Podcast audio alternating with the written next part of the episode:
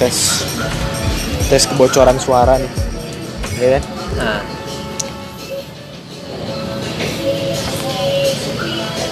Episode pertama ya. Episode pertama anjing. Ya apa ya kalau udah kalau di kalau di film tuh kalau di series tuh apa namanya biasanya? Eh, pilot. Ah. ya kan pilot episode pilot. Apa sekarang nih tuh sekarang tuh poin pembahasannya adalah eh, kita coba dulu bocor Oh. apa enggak ya kan? Yoi. Dari mana Nevi? dari kantor bro. Nah, jadi sebenarnya ada yang ada yang bikin menarik sebenarnya untuk dibahas. Entah entah orang-orang sudah membahas atau enggak. Cuman menurut menurut Aing sih menarik itu adalah fase eh, perubahan iklim perubahan iklim psikologis hmm, dari masa kuliah ke dunia kerja bro. Hmm, hmm. itu kadang jadi bukan kadang bahkan sering banyaknya banyaknya jadi bahasan kalau lagi ngumpul sama temen-temen tuh nah ya, ada kali itu setahun dua tahun pasca lulus itu jadi bahasan.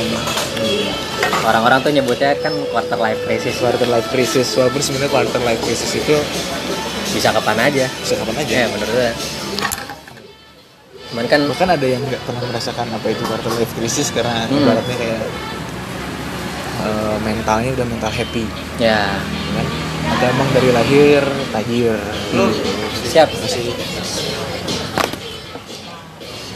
ini yang oh susu dua-duanya ya? Sudah dua oke siap. Nggak sampai sudah terus makasih mas. Iya bahkan kalau bisa dibilang ini coba dulu nih. Ini oh. kopi susu kongji. Oh iya kita di mana? Kita di mana?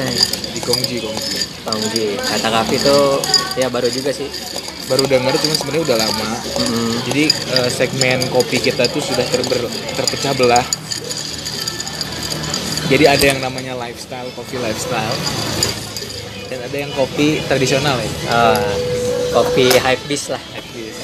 Jadi kita jadi melenceng ke mana-mana nih pokoknya nggak apa-apa lah. Coba dulu apa kan uji coba tadi Uji coba. Judulnya. bocor apa enggak? Kalau bisa topiknya bocor ya udah. Ya.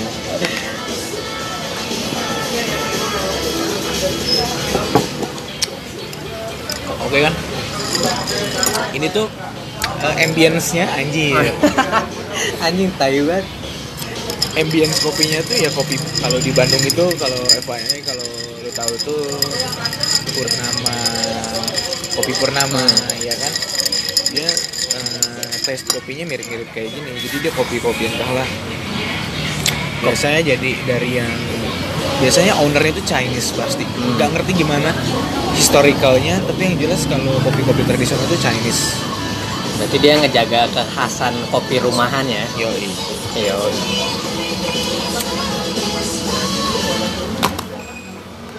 Oke, back to discuss tentang pasca lu- kelulusan ya. ya Oke, jadi kalau gua lihat dari eh, trennya nih, dan tren itu ternyata tidak dibuat-buat ya, cuman kayak fase alami aja gitu ya. Mhm. Ada orang yang memilih untuk eh, gue mau berdikari, berdiri di kaki sendiri atau Hmm. wirausaha, ada yang gue mau kerja atau ada gue nggak tahu mau ngapain. Oke, mas kalau menurut tuh gimana mas?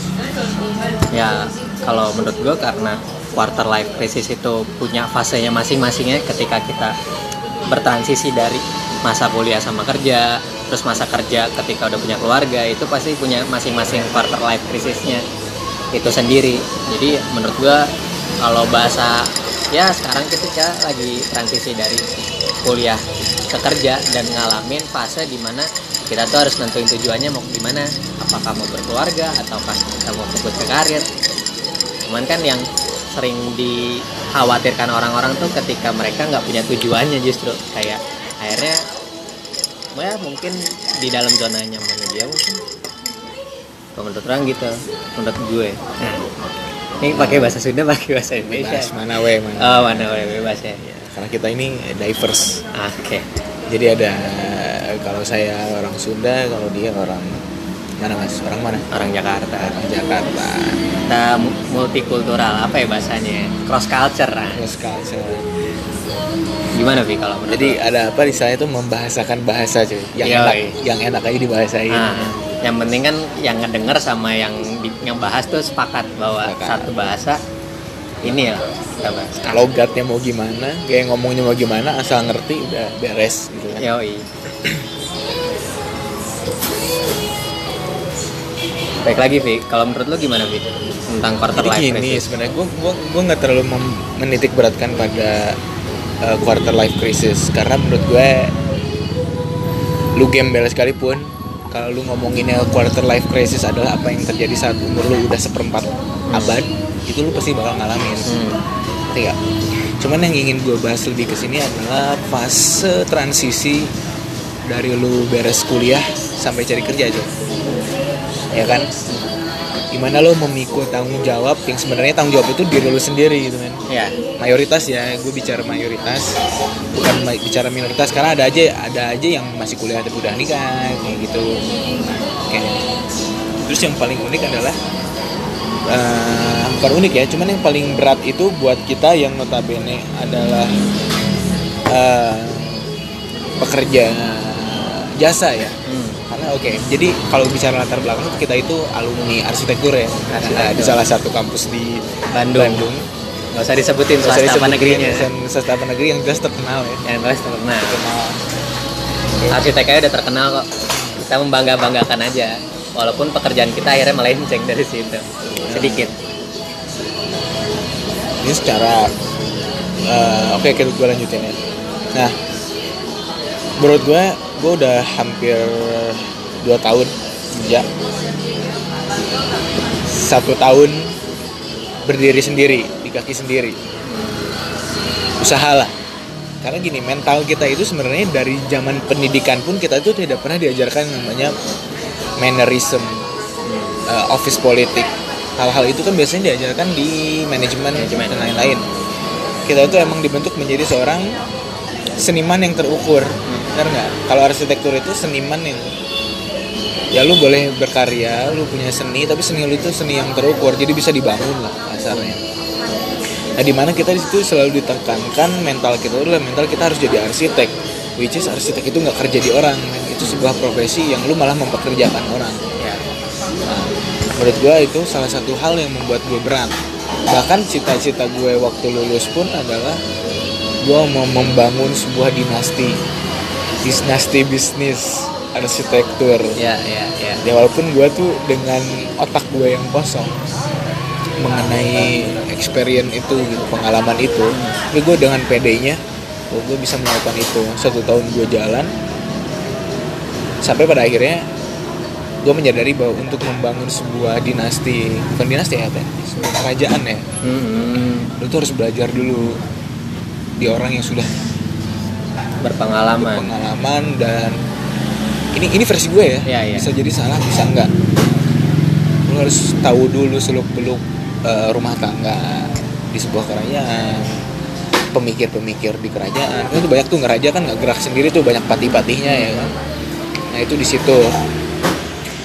Akhirnya gue memutuskan untuk kerja dan ternyata kerja itu berat banget coy. Secara mental gue drop banget 6 bulan pertama. Menurut gue ini bukan dunia gue Walaupun walaupun pada di- akhirnya gue jalan-jalan. Aja ya walaupun kalau bisa dibilang Kavi ini mahasiswa berprestasi pada waktu eh, pada masanya.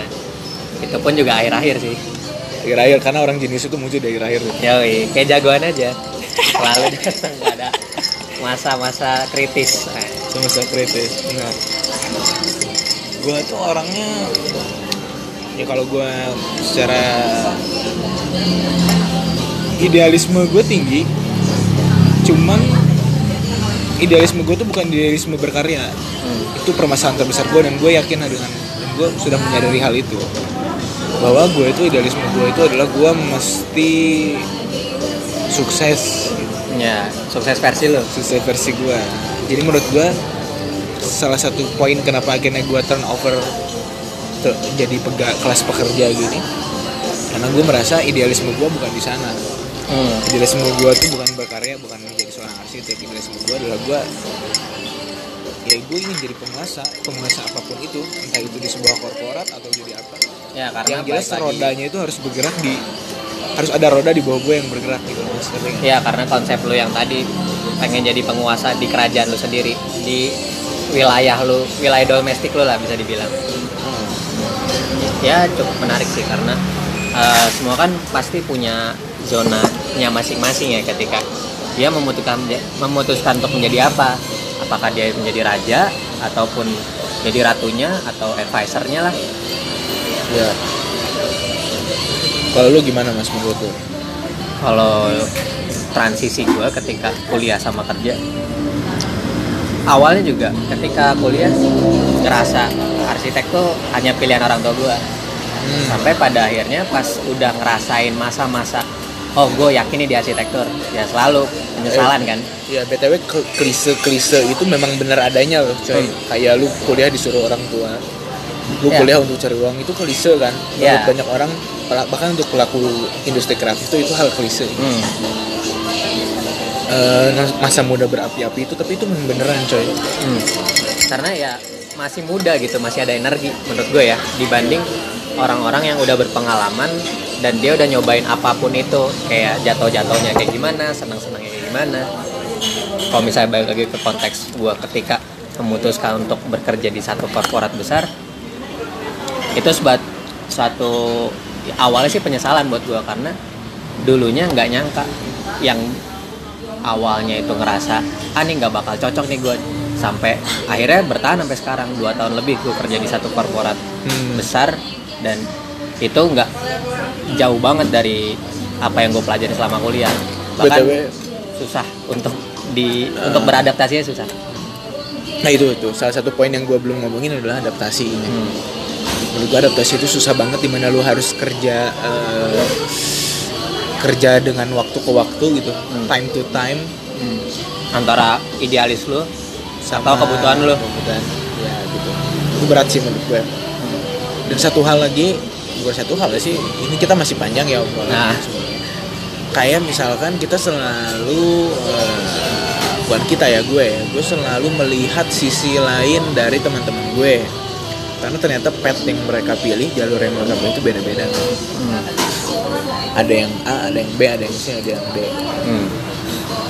Nah semua itu sebenarnya bermuara pada satu titik men kekhawatiran bener gak sih ya betul betul kayak masa depan gue gimana gitu. semuanya men mayoritas Hmm. serius deh bahkan yang lu udah settle gitu ya kayak menurut gue kayak gue kayak kayak si Mas sama gue tuh eh sebenarnya boleh dibilang posisinya adalah settle karena kita pegawai tetap coy.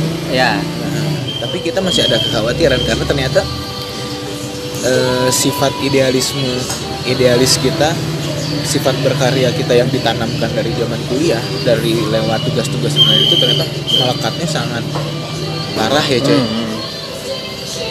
jadi nggak ada pikiran ah, gue mau berakhir jadi seorang pekerja tuh kayaknya bukan muara akhir gitu bener gak sih Iya benar. Karena dari idealis kita yang masih kental ya sampai sekarang, kita masih berprinsip gini. Ketika udah kerja di korporat selama hampir 2 tahun atau bahkan gue yang udah dua tahun lebih ngerasa nih gue bisa nih buat perubahan di korporat ini korporat yang kita jalanin sekarang tempat kerja kita. Cuman ya pada akhirnya kita menyerah sama keadaan ketika udah terlalu capek buat berusaha atau bahkan akhirnya jadi kacung kampret istilahnya ya nurut-nurut aja apa yang dikata bos siap siap dan. Siap komandan. Gitu. ya itu sih faktor pertama adalah lu merasa menjadi gue merasa menjadi kacung kampret sih sebenarnya itu sih ya itulah dia eh, sifat-sifat sifat-sifat yang muncul karena ya kita berada di zona itu selama empat tahun ya men Iya.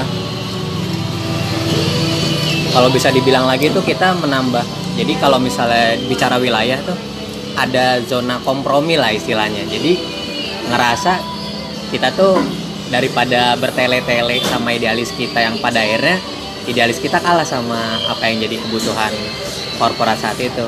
Nggak nyalain sih sebenarnya, cuman eh, kompromi itu yang bisa jadi penengah lah buat kita akhirnya bekerjalah sesuai apa perintah bos Iya zona zona kompromi di sini tuh bisa dibilang gaji ya. ya kan? gaji gaji capek sih. Gaji capek. Jadi ya balik lagi ke UUD lah ujung-ujungnya duit. duit ya benar Benar benar. Karena ya kita memang ya kebetulan gue sama dia tuh posisinya adalah kita lulus kita harus cari uang ya. hmm. benar ada tanggungan yang kita harus penuhi dan itu ya alhamdulillahnya bisa membantu orang lain membantu bukan cuma diri kita tapi kita bisa menggunakan materi yang kita punya tuh buat orang lain Ya minimal keluarga lah dan, dan mungkin kita nggak bakat juga kali ya, Ya. jadi seorang entrepreneur. entrepreneur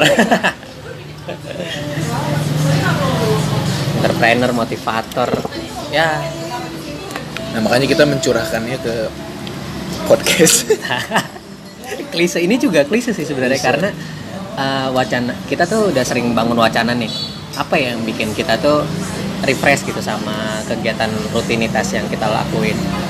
Ya pada akhirnya wacana-wacana itu yang terrealisasi baru kali ini ketika gue kenal sama udah ya istilahnya intens lah di Jakarta kan. Kavi kan Ah. dari Bandung gue dari Jakarta. Ketika Kavi istilahnya nggak ada temen lah buat mencurahkan isi hatinya akhirnya lari ke gue ya bisa dibilang itu cowok panggilan lah gitu. cuman Jadi- ya baik lagi ke masalah wacana itu sendiri apa nih yang bisa kita lakuin dan jadilah podcast ini Nah, jadi sebenarnya faktor eh, kesepian dan bingung itu makin merajalela men, makin semakin Hmm. tua itu kayak nggak jelas gitu loh kayak biasa biasa beres kuliah nongkrong. Nongkrong banyak orang. Terus sekarang lu kerja dari pagi sampai malam. Malam pulang kosan cari temen nggak ada. Wah berat coy. Iya. Kalau dibawa tidur pun juga kalau kalau bangun kepikiran lagi anjir ternyata masalahnya belum beres gitu. Ah, jadi ibarat gunung nih ya ya dame ibarat gunung tuh kayak lu beres kuliah nih wah, lu, lu udah di puncak tertinggi. Tiba-tiba pas lu buka pas di puncak tertinggi awan kabutnya lewat taunya ada puncak lagi. Ya. Nah, kita naik lagi puncak nih. Dapat kerja. Pas kita udah di puncaknya awannya lewat lagi nih. Ya. ada puncak lagi men. Hmm. ternyata hidup itu memang seperti itu mendaki-daki ke gunung dan kita akhirnya kelelahan anjir Sampai akhirnya jadi nyampainya ke puncak amarah kita sendiri. marah Ah. Amarah ya bisa dibilang tuh eh, bukan kepuasan karena ngeluh ngeluhnya kita tuh sebenarnya amarah yang halus menurut gue ya. Iya betul. Mengeluh itu amarah yang halus. Ya. Iya. Dan itu wajar kan manusiawi kan. Manusiawi. Kayak btw kopi ini enak. Kita boleh ini gak sih? Boleh. Boleh. Kan di- ngomong. ah. eh, Kita di mana gitu. Boleh, boleh. Oke, Kan- jadi ini ini namanya kopi Kongji. Kopi Kongji itu franchise sebenarnya. Tapi jangan lu sandingkan dengan Hah? Oh iya, jangan lu sandingkan dengan kopi janji jiwa atau fore. Ini jeda iklan. Oh Jeda iya. iklan 2 menit. Ntar gampang lah kan diedit. Ya, jadi bisa ya. Yoi. Oke, lanjut lagi men. Ke- ini ini ngobrolnya ngalor ngidul aja nggak apa-apa. Hmm. Kan basa-basi. Basa-basi. Oh ya kon eh, nama nama apa ya? Nama nama Podcast. podcast kita tuh bahasa basi busuk ya. Hmm, ya, Basa basi busuk. Jadi sebenarnya obrolan-obrolan yang ya menurut gue tuh jadi bisa jadi pembuka topik lah ketika misalnya lu nggak ada obrolan. Kan biasanya kan ya itu sih salah satu. Baik lagi kalau masalah transisi ya di kuliah sama kantor yang relate sama kenapa namanya podcast bahasa basi busuk. Gue ngerasa ketika di kuliah tuh bahasa basi bisa dibilang jadi apa ya ngerasa itu kita ngobrol ya ngobrol aja gitu. Ketika topiknya masih masalah perkuliahan ujung-ujungnya nyambung ke masalah politik masalah tongkrongan yang apa ya susah lah buat dibahasakan secara formal. Nah, terus masalah-masalah isu-isu yang ya mungkin sekitar kita sampai eh, bahasan-bahasan yang menurut gue cuma buat diketawain doang kan saat kuliah tapi ya pas udah kerja tuh ngerasa topik-topik itu hilang karena terpaku sama pekerjaan yang kita jalanin sekarang akhirnya basa-basinya masalah kantor lagi kantor lagi dan itu nggak melebar topiknya jadi cuma sebatas kantor dah gitu aja Ya. Eh, kita ngobrol di sini bukan mendiskreditkan orang yang tidak bekerja ya. Hmm, hmm. Cuman kita bahasnya yang relate sama kita aja gitu. Hmm. Dan sebenarnya kita global. Ini kan ngobrolinnya itu adalah fase transisi antara zaman kuliah sampai zaman kita sekarang ya. Hmm, hmm. Fase-fase Betul, betul. eh, tahun-tahun pertama so sophomore kita di freshman dan sophomore kita di dunia kerja ya. ya ya gitu baik lagi ke masalah transisi jadi pernah eh, baru kemarin gue ngeliat tweet temen gue temen kuliah gue dia bilang gini eh, bahasanya sih quarter life crisis ya bahasa yang tadi gue awal sebutin. Dia bilang quarter life crisis is bullshit katanya. Karena eh, ketika lo udah nyerah sama keadaan akhirnya lo cuma bisa bersyukur aja sama apa yang lo dapet. Menurut lo gimana bi tentang quarter life crisis itu bullshit Ya kalau menurut gue sih quarter life crisis itu adalah rasa berle- rasa khawatir yang berlebihan. hmm. Nah akhirnya sampai di titik di mana lu udah nggak bisa apa-apa, quarter life crisis lu tuh lewat karena udah whatever lah kayak dunia ini ngerol kok, Hmm. roda berputar. Lu besok eh, ibaratnya lu bangun pagi tidur malam, besoknya bisa lu tidur pagi, eh apa tidur pagi bangun malam coy, Iya kan? ya ya ya kayak nggak ada yang stagnan lah di hidup ini gitu kayak misalkan sekarang lu cuma dapat 50 6 bulan kemudian lu tetap dapat 50 ya terus apa yang harus dimasalahkan toh ini nasib gitu loh kita bicara nasib ya Hmm. ini, itu masalah masalah eh, psikologis kita aja sih Hmm. kalau menurut gue kayak kayak dari sisi nggak bisa nerima sesuatu Hmm. sampai pada akhirnya kita udah nggak tahu lagi mau ngapain akhirnya Ya, kita nerima ya. sesuatu akhirnya quarter life crisis kita lewat hmm. kalau menurut gue gitu terus kalau ngomongin masalah kantor nih. Ah, lu di titik jenuh tuh ketika apa? Titik jenuh gue itu adalah ketika eh, lu mengerjakan hal yang sama berulang-ulang. Ya kan? Dan ternyata mengerjakan sesuatu yang sama berulang itu bikin stres anjir. Ya nggak sih? Iya, iya, benar, benar. anjir bener sumpah stres. Kapan beresnya gitu kapan beresnya gitu. sampai dan ternyata dan uniknya lagi di kantor gue sekarang ini gue kerja itu eh, dinamika pekerjaannya menarik cuy sebenarnya. Tantangan yang menurut gue cukup mengerikan dan lain-lain gitu ya. Itu pun terjadi gitu. Ada fase tenang ada fase santai ada. Nah kayak sekarang bisa cabut ngopi jam segini tuh karena bos gue lagi dinas. Benar kalau enggak gue bisa bayangin jam 8 19 men jam jam 20 19 PM 20 19 jam Iya, ya. ya kan? Eh, enggak 8 19 PM PM. atau 20 19 waktu Indonesia Barat kalau bahasa Indonesianya 8 malam. Udah Ya, 8 malam dah. Itu masih kerja men serius. Gue kerja sampai jam setengah 10 jam 10 gitu. Bahkan gue Sabtu Minggu masuk dan itu ada real gitu. Kayak dulu gue mikir orang anjir ngapain Sabtu Minggu masuk lebaran masuk? Iya. Dan emangnya ternyata dialami sama mana iya ya? makanya emangnya ekskul gitu. Kantor ada ekskul ya ekskulnya kerja. Jenuh sih emang ketika hal yang berulang-ulang lu kerjain terus menerus dan kapan beresnya gitu. ya dan lu merasa karya lu tuh tidak ada apa-apanya gitu di tempat Aha. dan pada akhirnya hal yang berulang-ulang itu berakhir gitu aja tanpa ada konklusi kesimpulan. Oh ini beres. Jadi lompat project yang mungkin itu yang lu rasain dinamikanya ya? Gini loh bedanya kalau zaman kuliah itu kita selesai tugas tuh free I'm free gitu. Nah. Atau tugas akhir gitu ya sidang akhir tuh I'm free gitu udah Ah. selesai nih. Kalau ngantor tuh nggak ada yang namanya I'm free man kan? Udah beres ada lagi. Udah beres ada lagi. Udah beres ada ya lagi. ya bahkan yang ini belum beres ada lagi. Ya, belum beres ada lagi. akhirnya jadi tumpukan gitu loh tumpukan hmm. tumpukan memo memo memo yang isinya kerjaan semua. Itu sih bro. Tapi gue penasaran deh ada nggak ya orang beres project udah free gitu gue yakin sih ada cuman gue belum tahu aja kantor tuh apa. Apakah model startup atau model usaha sendiri yang sebagai apresiasi lo udah mengerjakan satu project besar lo libur ya tiga hari atau seminggu lah paling lama.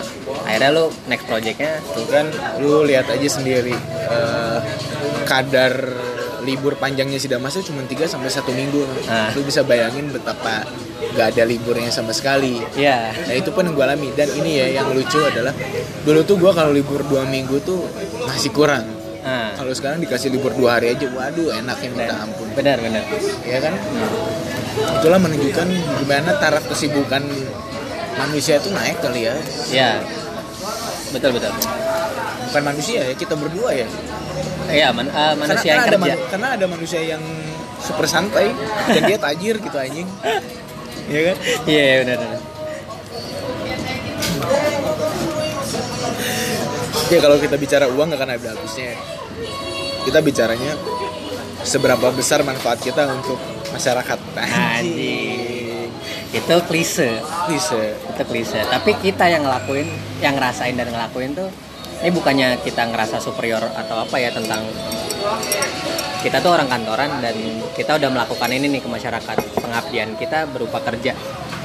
Ya menurut gua pengabdian tuh bisa macam-macam. Oh ya btw kenapa kita berani ngomong bahwa kita bekerja untuk masyarakat itu? Karena kita tidak bekerja di perusahaan swasta ya. Ya. Dan bukan perusahaan Iya, yang bukan perusahaan memperkaya diri sendiri bukan. Hmm. Kita bekerja untuk garis bawahnya. ya ya you know lah kalau gue udah ngomong kayak gitu kan apa Nah. gitu, ya kan? garis besarnya tuh bekerja di jasa services lah.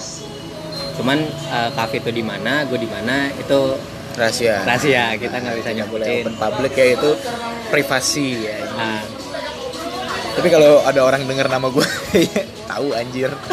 Ya tapi kan kafe di seluruh Indonesia nggak usah Indonesia deh Jakarta kan banyak kafe. Damas Iya. tuh variabelnya dikit kalau denger Damas oh Damas nih ya ada nama jalan nama gue coba bayangin oh iya.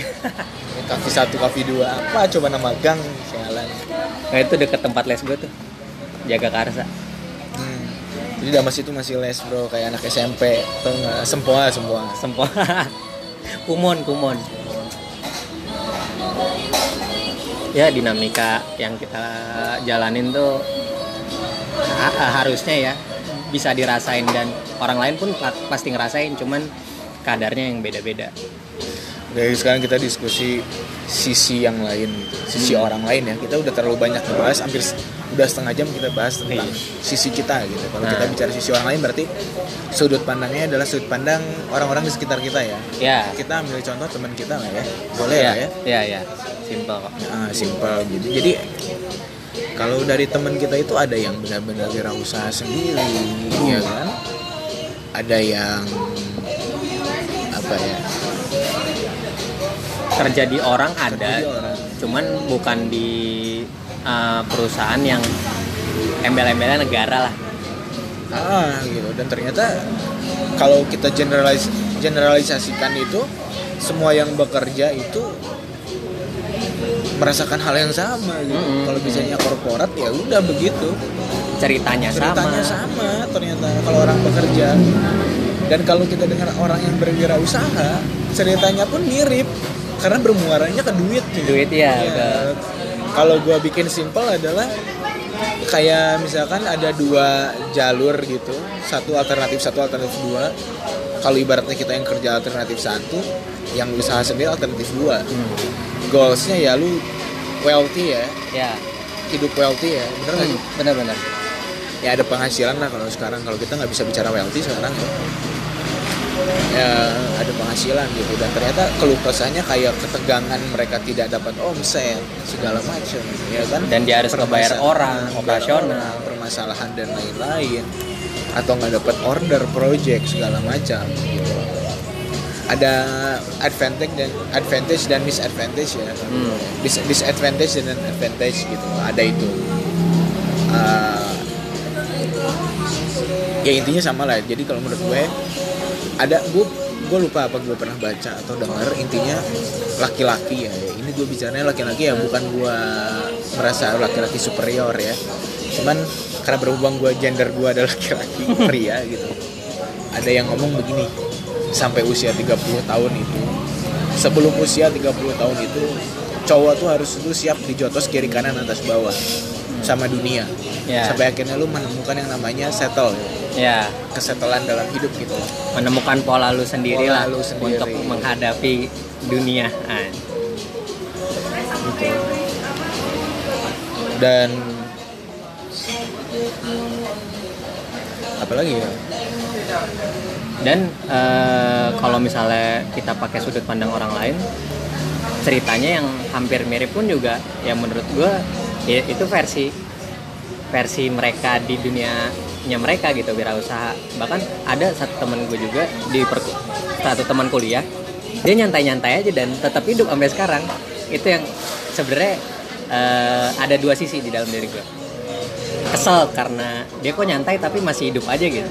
Ya bukan berarti dia harus mati enggak. Cuman sisi kesel gue tuh aja ternyata orang nggak terlalu usaha banyak tapi tetap hidup kok kita tuh karena kepatok sama sesuatu yang bikin kita tertekan sama pola yang ada di hadapan kita masing-masing nah itu kan sudut pandang luar bro Hmm. kalau kita melihat kalau kita di posisi dia belum tentu juga kayak misalkan bisa jadi ada keresahan dalam hatinya atau tidak seindah yang kita lihat gitu kan cuman Bisa mereka jadi. mungkin nggak mengutarakannya ke orang-orang banyak kali ya. Iya, ya siapa juga yang mengutarakan. Iya. Ya kan kayak ya udah aja gitu bro. Ah. kayak bisa jadi sebenarnya dengan kenikmatan hidup duniawi dia gitu kan persekutuan duniawi dia itu sebenarnya dia ada keresahan juga pasti sih menurut gue pasti ada keresahan itu nggak nggak mungkin lah kayak manusia kan dikasih satu gunung ingin dua gunung kan. Satu, Iya. satu, gunung emas pengen dua gunung emas. Kayak misalkan lu udah tajir gitu ya dari lu udah tajir dari lahir lu tuh mencari eksistensi kan Hmm. gimana caranya gue jadi eksis dan jadi artis? Ya. Kalau lu nggak bakat jadi artis lu jadi politikus. Ya kan? Ya. kalau lu udah lahir kalau lu udah tajir dari lahir. Hmm. nah kalau ngomongin Rafathar nih anaknya Raffi Ahmad tuh ya. Dia udah tajir dari lahir terus udah jadi artis dari kecil nih. Iya iya. menurut gue dia masih punya beban coy. Dia harus bisa overlap bokapnya anjing. Iya iya iya. iya kan? Atau mungkin dia tidak punya privasi dalam hidup seumur hidupnya gitu. Jatuhnya malah eksploitasi. Menurut gua kasihan juga sih. Untuk anak umur segitu akhirnya mereka dipekerjakan oleh orang tuanya. Ya mungkin karena pamor orang tuanya udah redup, dia pakai anaknya untuk alat jualan. Jualan. itu posisi itu kita di posisi negatif thinking ya. Hmm. ya kan? Ya. karena menurut gua memang dunia artis itu dunia berpura-pura seni peran. Iya, benar, benar, artis itu seni peran kehidupan panggung sandiwara cuy anjing. Hidupnya teh kayak apa ya tidak ada kebebasan dalam berekspresi gitu. Lu misalkan lagi jalan di mall tiba-tiba wartawan muncul Hmm. ya kan padahal lu cuma pengen makan doang atau lu tiba-tiba makan di wartegan gitu di mana wartawan muncul lu digosipin miskin gitu miskin Hmm. dan lain-lain terus lu kentut juga mungkin jadi bahasan gitu kan Berarti apa yang di dunia kerja tuh kalau misalnya dibilang cara untuk beradaptasinya tuh ujung-ujungnya pencitraan kan. Gimana citra kita tuh tetap baik sebagai orang kantoran.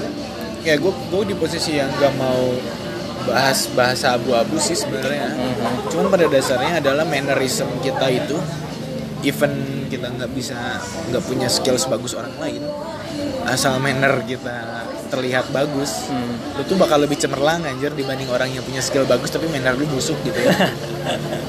Dan itu kenyataan anjir. Beneran.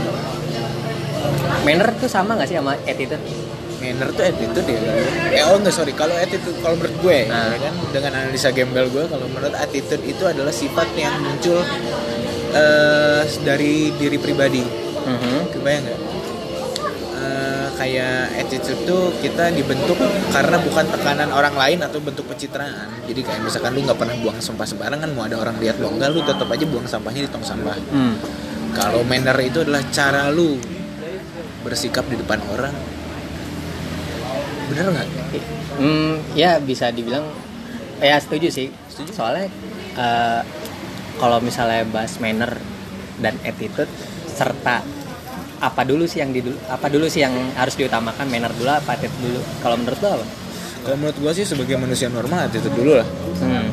karena attitude itu yang lu tanamkan pada diri lu sendiri dan lu bisa tanamkan ke generasi-generasi selanjutnya kalau manner itu adalah sesuatu yang nggak semua orang melihat manner lu bagus nggak? Kayak lu ngadepin bos manner lu dianggap sama bos bagus tapi sama sama teman sekantor tuh sama sama teman sejajaran tuh lu dianggapnya carmuk Hmm. Iya kan? Iya, iya. ada dua sisi yang berbeda kalau manner. Mannerism gitu. Gue Hmm, sambil nyari tentang attitude sama manner. Karena eh, ada tweet dari komedian tuh bilang gini attitude tuh gak penting-penting amat untuk bekerja ketika kerjaan orang itu beres tapi attitude lo jelek harusnya yang dipandang tuh ya kerjaannya. Hasilnya apa bagus apa enggak? Masalah attitude ya belakangan. Ada nanti gue sambil cari deh. Nah itulah yang kalau berdua ya gue boleh kontra di sini ya. Hmm. ya tergantung lu kerja di mana men. Nah ngerti gak sih? Kalau Iya, iya. misalkan lu dikerja di karena bersilat lidah itu hal yang wajar. Kayak lu misalkan mengerjakan sesuatu dan gak selesai asal lu bersilat lidah diri lu aman. Karena Ah. banyak orang yang tidak mau ngambil responsibility gitu loh. Ya betul betul. Cuci tangan gitu loh. Dia keluar-keluar cuman akhirnya pada suatu titik kerjaan yang nggak selesai dia limpahkan ke orang lain aja ini gue ngerti ya sudut pandang komedian ini tuh komedian yang mana nih? Dia bekerja apa sebagai seorang komedian gitu? Kalau lo tahu Didi Sunardi nggak tahu gue yang uh, dia tuh dari kuli bangunan. Oh kang Didi. Ah Iya, kang iya. Didi. Ntar gue sambil nyari. Ada pokoknya dia satu nge-quote satu tokoh. Nggak tokoh sih jadi ya influencer lah bilang gini. Berikan berikan ego termanismu di depan atasanmu walaupun pekerjaanmu tidak setinggi ego atasanmu. Ngerti nggak maksudnya jadi intinya eh, munculin aja dulu eh, apa bahasa basi busuk lo. Nah, jadi pekerjaan tuh akhirnya mentoleransi. Oh ya udah. Nah iya yang itu yang baik. gue maksud. Nah. Jadi kadang bos tuh lihat kalau lu pinter ngomong dalam artian lu baik kerjaan lu ancur lebur lu nggak masalah. Cuman kalau masalahnya adalah lu berattitude buruk dan kerjaan lu ancur lebur habis udah. hmm, itu sih. Ya bener sih tentang eh, kita kerja di mana dulu ya bener kerja di mana dulu? Soalnya ya kalau misalnya sepengalaman Kang Didi ini seorang komedian yang profesinya kuli bangunan dia bilang ketika dia diem sempat dijatuhin sama bosnya. Lo kok diem aja? Kerjaan lu emang eh, bagus. Pokoknya diem itu salah lah menurut bosnya dia. Padahal kerjanya beres-beres aja. Ketika dia ngecor ketika dia bangun satu rumah beres-beres aja. Tapi hancur lebur karena dia diem orangnya pasif. Jadi pekerjaannya yang bagus-bagus tuh nggak dilihat sama bosnya. Nah itu dia maksudnya gue juga belajar untuk hal itu gitu ya sama bekerja. Bahwa ternyata seni berjualan office politik itu ada. Jadi lu harus dijualan lu tuh jago gitu. Jadi nggak cuman karya lu doang. Karena karya lu kalau lu diem ya orang nggak notice gitu loh. Ya ya ya betul betul betul. Ya baik lagi masalah pencitraan kan. Iya pencitraan. Ini memang hidup itu pencitraan coy. Tapi Serius. satu sisi gue tuh ngerasa kesel karena pencitraan tuh bullshit yang anjing nih. Nggak apa-apa ya pakai bahasa kasar ya. Eh, pokoknya sesuatu yang berbau pencitraan tuh tidak berjalan mulus lah kalau misalnya pada akhirnya di belakangnya ternyata kotor. Bahkan ya dibilang kurang lah secara kualitas. Yang penting pencitraan aja dulu. Kita nggak mampu dibilangnya mampu. Kayak gitu sih kalau gue Iya.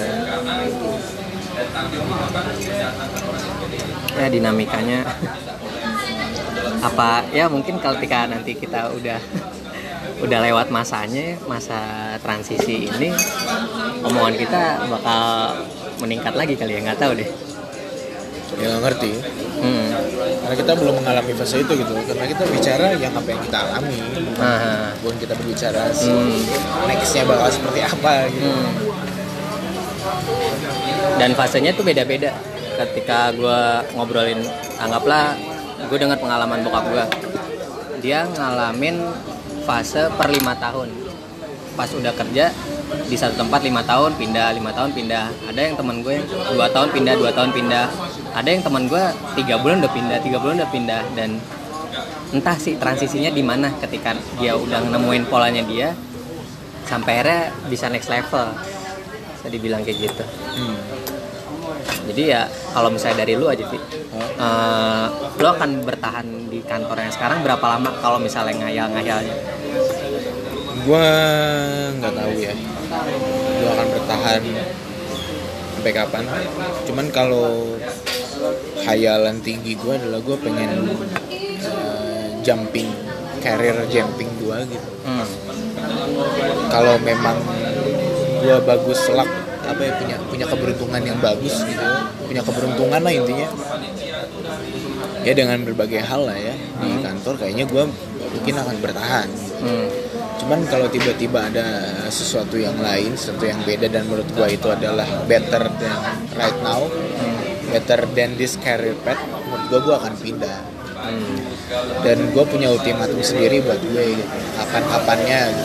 Ya. kapan gua akan melakukan itu dan berhubung gua nggak punya beban tanggung jawab saat ini bro btw gua nggak punya beban tanggung jawab ya gitu. Beban tanggung jawab di sini tuh keluarga ya kayak istri dan lain-lain nggak Ya, ya. ya menurut gue gue masih mikirin diri gue sendiri. Yang penting orang tua gue dapat ya saat ini gue nyenengin orang tua gue juga sih ujung-ujungnya. Wah gue kerja gitu. Ah, ah, ah. anak gue kerja nggak jadi gembel gitu.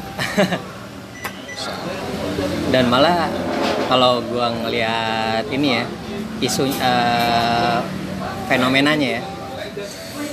Anak tuh ketika kita kerja di mana orang tua tuh jadi jadi obrolan keluarga keluarga besar. Ketika anak anak gue nih kerja di sini nih jadi suatu kebanggaan. Ya bahkan kitanya pun awalnya juga mikir ah ngapain sih ngomongin ngomongin kerjaan gue ke orang lain? Padahal lu aja nggak tahu gitu kerjaan gue kayak gimana di kantor. Semumut apa sengehe apa kerjaannya. Kayak gitu sih yang gue ngelihat isunya tuh kenapa pekerjaan anak tuh jadi kebanggaan buat orang tua. Nah itu dia. Masalahnya orang sudut pandang orang tua sama sudut pandang kita tuh beda. Nah. Karena ada kayak prestasi tersendiri lah buat orang tua kalau anaknya itu mandiri gitu. Ah, oke. Ya kan? Dan dan itu nggak salah sebenarnya. Apa karena karena fak pencitraan karena fak pencitraan ya menurut gua itu nggak perlu dibahas juga kali Bro, ya. gitu ya kan? Ya tapi namanya orang tua kita mau apa? Hmm. karena sekali lagi menurut gua hmm, pendapat orang lain itu nggak penting. Aha yang ya paling sebenarnya obrolan kita ini pendapat kita itu sebenarnya lu anggap penting nggak penting aja deh terserah lu menyikapinya gimana Hmm, ya betul, kan? betul, betul. Nah, karena gue selalu berpendapat berpikir bahwa pendapat orang lain itu nggak penting. Hmm. Pendapat orang lain dari sisi bukan nasihat ya. ya ya ya Kalau nasihat gue masih dengerin karena kadang-kadang nasihat itu ada sesuatu yang value kita bisa lebih gitu loh. Ya, bisa kita ambil dan bisa kita diterapkan. ambil. Cuman kalau misalkan pendapatnya nyinyir atau kayak hal-hal yang malah tidak ada positifnya, positif buat kita ya bahkan Ya, ya, ya. bahkan sesuatu yang diucapkan seseorang misalkan lu tuh jelek lu tuh mestinya A B C D masih gue dengerin Hmm. cuman kalau lu kalau ada orang yang ngomong cuman lu tuh jelek udah tanpa ada masukan yang berarti menurut gue itu nggak penting untuk didengerin gitu. Dan itu jadi setan pengganggu sih buat gue. Karena eh, ada orang bilang gini misalnya "Ter- lu ngapain sih eh, kemampuan lu kan di bidang A kenapa lu kerja di bidang B? Sampai akhirnya kita terhasut sama omongan itu dan nggak ada punya keyakinan diri bahwa ini gue yakin gak ya di sini? Padahal kan kita yang ngejalanin kan? Ya soalnya pertanyaan-pertanyaan seperti lu ngapain susah-susah capek kerja kayak gitu-gitu. Itu tuh pertanyaan yang menurut gua nggak cocok buat gua buat ditanya buat gue. Hmm. karena lu tidak di posisi pairing sama gue gitu Hmm. misalkan lu tidak di posisi yang sama sama gue kalau lu posisi sama sama gue gue yakin 100% lu nggak akan nanya kayak hal kayak begitu Iya iya. ngerti nggak jadi menurut gue ya bahasa basi busuknya mereka itu ya menurut gue ya ya udah aja whatever aja gitu gue jawab akan seadanya dengan sesimpel mungkin kayak gue butuh gue butuh duit udah selesai kan Iya iya. iya. atau kalau ya hal-hal seperti itulah buat gue jadi ya eh, pesan moralnya adalah Kerja. bukan kerja pesan moralnya adalah fuck orang lain yang berpendapat tentang lo tapi dia tidak memberikan masukan tapi jangan sekali jangan sekali kali lu menutup telinga dari masukan orang lain Iya iya. masukan itu ada yang positif ada yang negatif ya Hmm. tergantung kita menyikapinya gitu ya deh sampai sampai gini ada lagi anjir pasti berisik banget ini ada musik anjir Namanya juga tes. Tes. Ya udah mundur diri. berdiri kita pamit. Sampai jumpa lagi di eh, basa-basi berikutnya. Kalau kita mau basa-basi kalau enggak ya udah gitu. Intinya sih di sini kita gimana mas? Ngobrol aja lah ya. Ngobrol aja basa-basi aja. seputar hal-hal yang nggak penting penting penting nggak penting jadi penting terserah deh ya kan? Oke gue Kavi. Udah mas. pamit undur diri. Salam busuk